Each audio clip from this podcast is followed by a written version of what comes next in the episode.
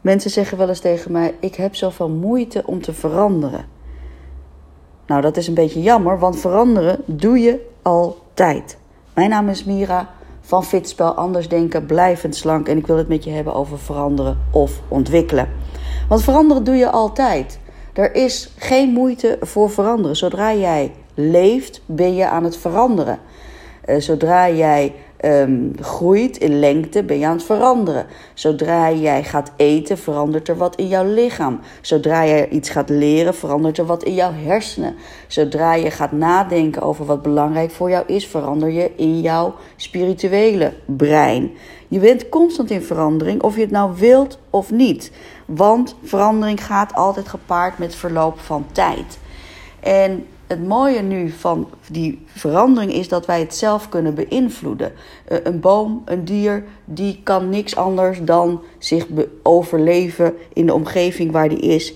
Wij kunnen die situatie naar de hand zetten. Wij kunnen de omgeving veranderen en daarmee onszelf veranderen. Dat is zo tof aan ons mensen. En als we het dan hebben over verandering uh, of over uh, ja, uh, hoe we het zelf naar de hand kunnen zetten. Ik heb altijd een mooi voorbeeld, uh, heb ik altijd onthouden van, um, hoe heet die vent? Jim Rohn, die zegt dat zo verschrikkelijk mooi. Je, door tijdspadverloop is er altijd verandering. En zie het gewoon als een, als een moestuin. Als je er niks mee doet, verandert het ook, die moestuin. Want er komt onkruid op. En die onkruid die kan helemaal je hele tuin ver, verwoekeren en kapot maken.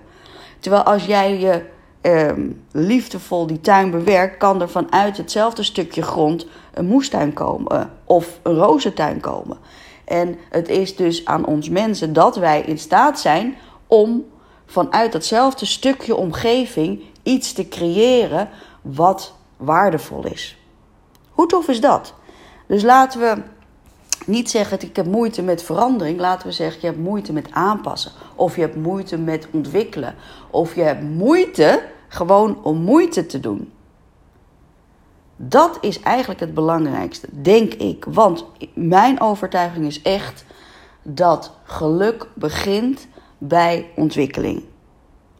Alles, al kijk maar eens even naar uh, wat jij in het leven waar jij echt gelukkig van werd. Geluk is ontstaan. Geluk is uh, ontwikkelen. Geluk is presteren. Um, want, want wees eerlijk, alle momenten dat jij super, super happy, de peppy was in jouw leven, hebben te maken met prestatie, met uh, uh, ontwikkelen of met, ehm, ja, eigenlijk met dat, ontwikkelen, prestatie. Voor jezelf. Het gelukkigste in mijn leven een van de gelukkigste momenten dat ik mijn kind baarde. Nou, als dat geen prestatie is, dan weet ik het ook niet meer. Uh, een ander heel erg gelukkig moment is dat ik voor een panel bij het Erasmus Universiteit mijn verhaal moest doen. En mij zo ontzettend veel kracht gaf, omdat ik wist waar ik het voor deed. Dat is geluk, omdat je weet waarvoor je het kiest. Omdat je weet dat het je moeite kost, maar uiteindelijk de ontwikkeling daarvan, die de moeite ja, met zich meebrengt, dat geeft geluk.